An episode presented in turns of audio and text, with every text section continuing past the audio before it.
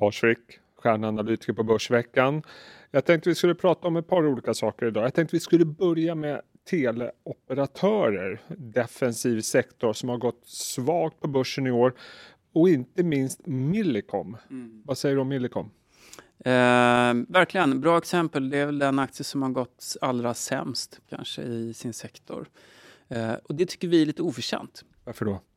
Jo, Millicom eh, har väl pressats dels av faktorer utanför bolagets verksamhet. Jag menar det Kinneviks agerande i Millicom ingav ju inte förtroende med eh, försök till försäljning och sen skulle det eh, säljas delar, vilket man backade. Så det gick fram och tillbaka. Och det där tycker väl vi är lite oförtjänt, för det är klart det skvätter på Millicom att när storägaren, och liksom, givet de historiska kopplingarna inte minst, eh, velar och inte riktigt vet vad man ska göra med det. Varför ska jag då som extern investerare känna mig komfortabel med den här aktien?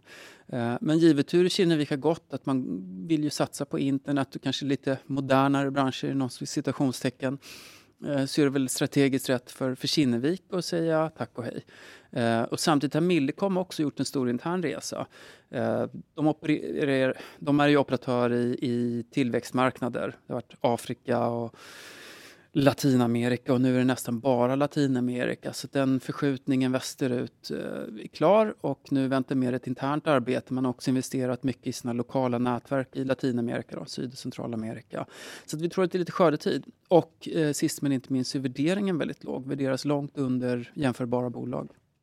Men om man tittar historiskt, känns det inte tryggare att äga typ Telia och Tele2 som har lite mer lokal förankring, att vi har mm. lite bättre koll på vad som händer i de bolagen? Mm.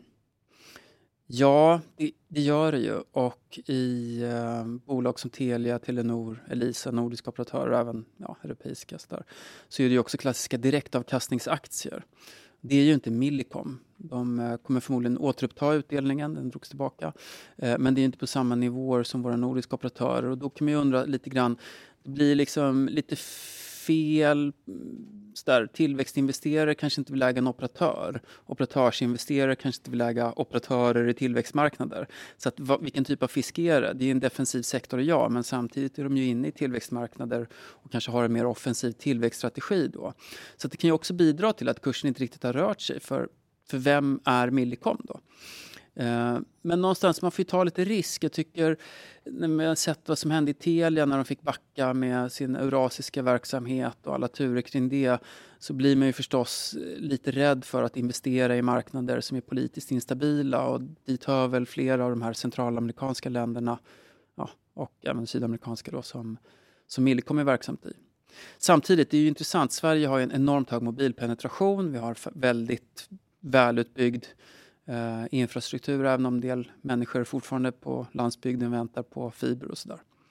Men i Latinamerika så ser det helt annorlunda ut. 4G-penetrationen är runt 40 procent i Millicoms nät. Så att där finns ju jättemycket att ta av.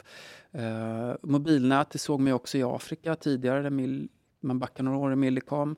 Eh, var ju också väldigt snabba på nya tjänster. Vi har ju Swish idag till exempel sedan något år eller ett par år i Sverige. Men i Afrika har ju det här betalning via mobil, om än av helt andra metoder då funnits mycket längre. Så att det har varit ganska innovativa marknader. Så det är ändå intressant att vara där. Uh, och jag menar, tittar man på bolagets egen redovisning som är lite snårig så värderas de ungefär till tre gånger rörelseresultat före avskrivningar. Och det är mycket avskrivningar ska sägas.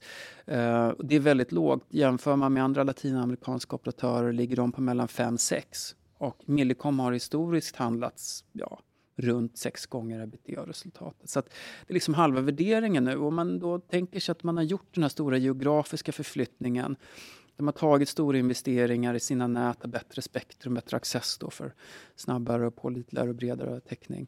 Så borde man rimligtvis kunna se skördetid. Och ja, man får politisk risk, man får valutarisk. I år har det inte varit jättemycket, men den colombianska peson, en av huvudmarknaderna, rasade med 20 procent. Så att, eh, det finns en viss hedging där, man har lån i lokala valutor och så vidare. Men samtidigt är valutan en stor risk tillsammans med den politiska.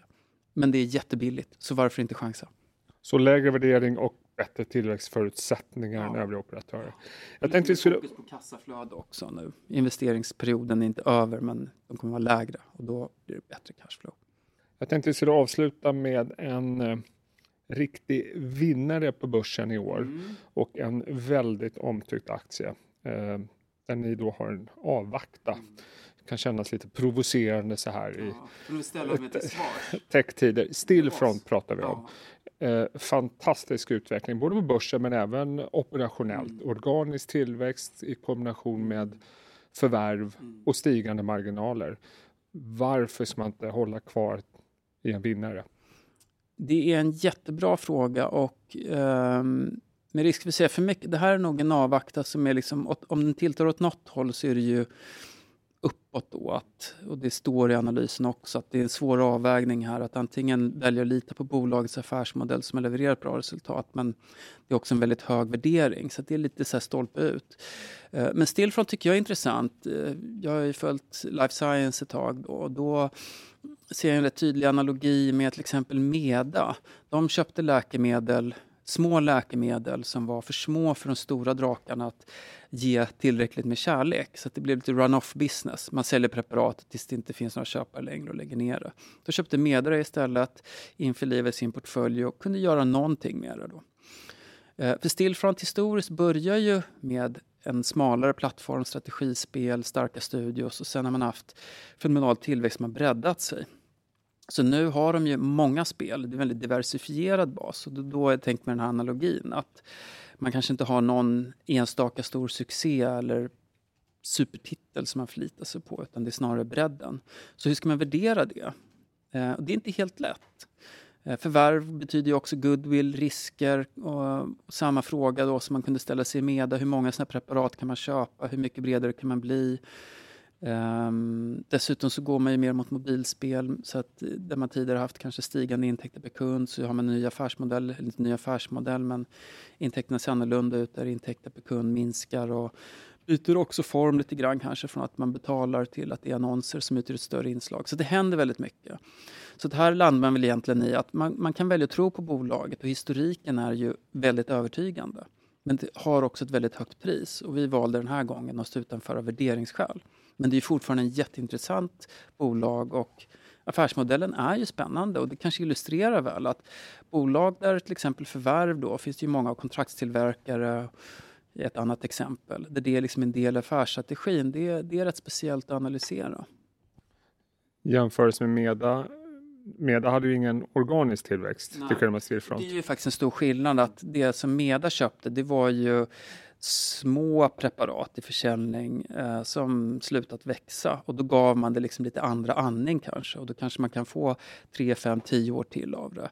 Eh, Stillfront har organisk tillväxt och det är en jätteskillnad förstås. Finns det inte en risk eller möjlighet beroende på hur man ser på det att Stillfront går samma öde till möte som Meda, det vill säga blir uppköpt? Den risken, chansen finns ju alltid. uh, Ja, samtidigt de är så stora nu. Jag är inte någon jätteexpert på spelbranschen. Så att, men jag misstänker att med den skala de har, ett börsvärde på runt alltså det är ju 40 miljarder Eh, så är det ju inte någon lätt pjäs att svälja. Eh, och de stora aktörer som finns, det är klart ett bolag som amerikanska Electronic Arts skulle kunna göra det. Men då blir det plötsligt en väldigt märklig strategisk mix för dem. Då. Så att, eh, jag tror och det här kommer väl historien utvisa att jag har fel. Men jag tror inte att det, jag tror att de kommer köra, köra vidare på sitt eget spår. Lars-Erik, tusen tack. Ser fram emot att ses nästa vecka. Detsamma Jesper. Tack.